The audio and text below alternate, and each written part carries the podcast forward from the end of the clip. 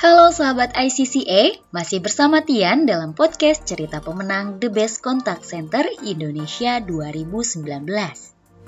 Kali ini, saya akan menceritakan Sing a Different Tune dari Mirna Lisa Wulandari, pemenang Platinum The Best Agent Outbound, Kering Pajak 1500-200. Mirna memiliki etos kerja dan semangat yang tinggi untuk memberikan pelayanan kepada pelanggan yang disebut wajib pajak. Sebagai agent outbound, Mirna memiliki tugas dan kewajiban untuk menghubungi wajib pajak dengan membawakan tiga campaign. Campaign yang pertama adalah billing dan collection support, yakni memberikan informasi terkait utang pajak yang belum dibayar.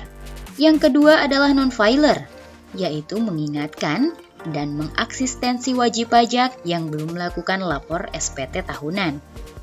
Yang ketiga adalah satisfaction survey, yang merupakan bagian evaluasi dari pelayanan yang telah diberikan oleh Kering Pajak 1500-200 kontak center Klip DJP.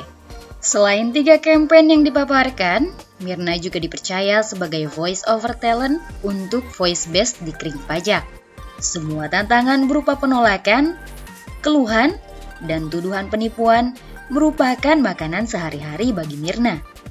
Mirna menanggapi ini semua dengan wajar, karena semua orang akan mempertahankan segala sesuatu yang didapatkan dengan cara yang susah, termasuk uang.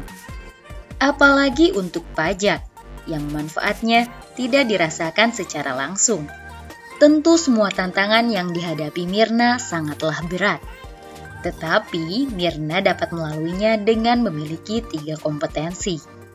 Kompetensi tersebut di antaranya adalah smart communicator, di mana kemampuan dan komunikasi adalah penggunaan bahasa sehari-hari yang sederhana, sehingga informasi yang disampaikan dirinya mudah dipahami oleh wajib pajak.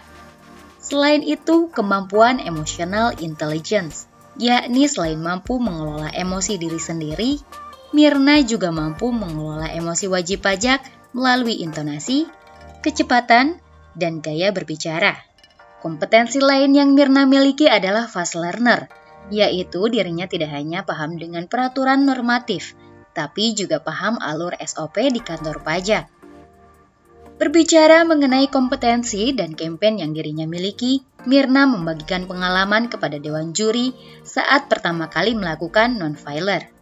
Pengalaman berkesan tersebut datang dari salah satu wajib pajak, yaitu seorang arsitek muda milenials yang terdaftar di salah satu kantor pajak di daerah Jakarta Selatan. Suatu hari Mirna memulai tugasnya dengan semangat. Mirna menghubungi wajib pajak satu persatu. Saat telepon tersambung, dirinya mengucapkan salam dan mendapatkan respon yang baik. Berdasarkan data yang dimiliki, yang bersangkutan ternyata belum pernah melakukan lapor SPT tahunan. Mirna mulai menanyakan kendala yang dihadapi untuk melakukan pelaporan. Lalu Mirna menerima jawaban yang tidak disangka-sangka.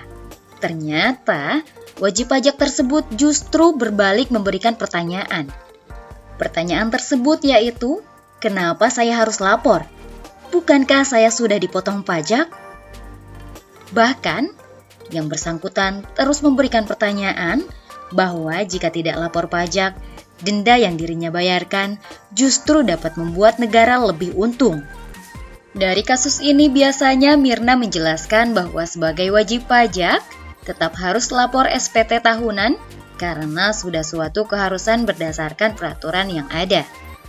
Konsekuensi yang didapat oleh wajib pajak adalah denda sebesar Rp100.000 namun, pada kasus kali ini, Mirna menanganinya dengan cara yang berbeda.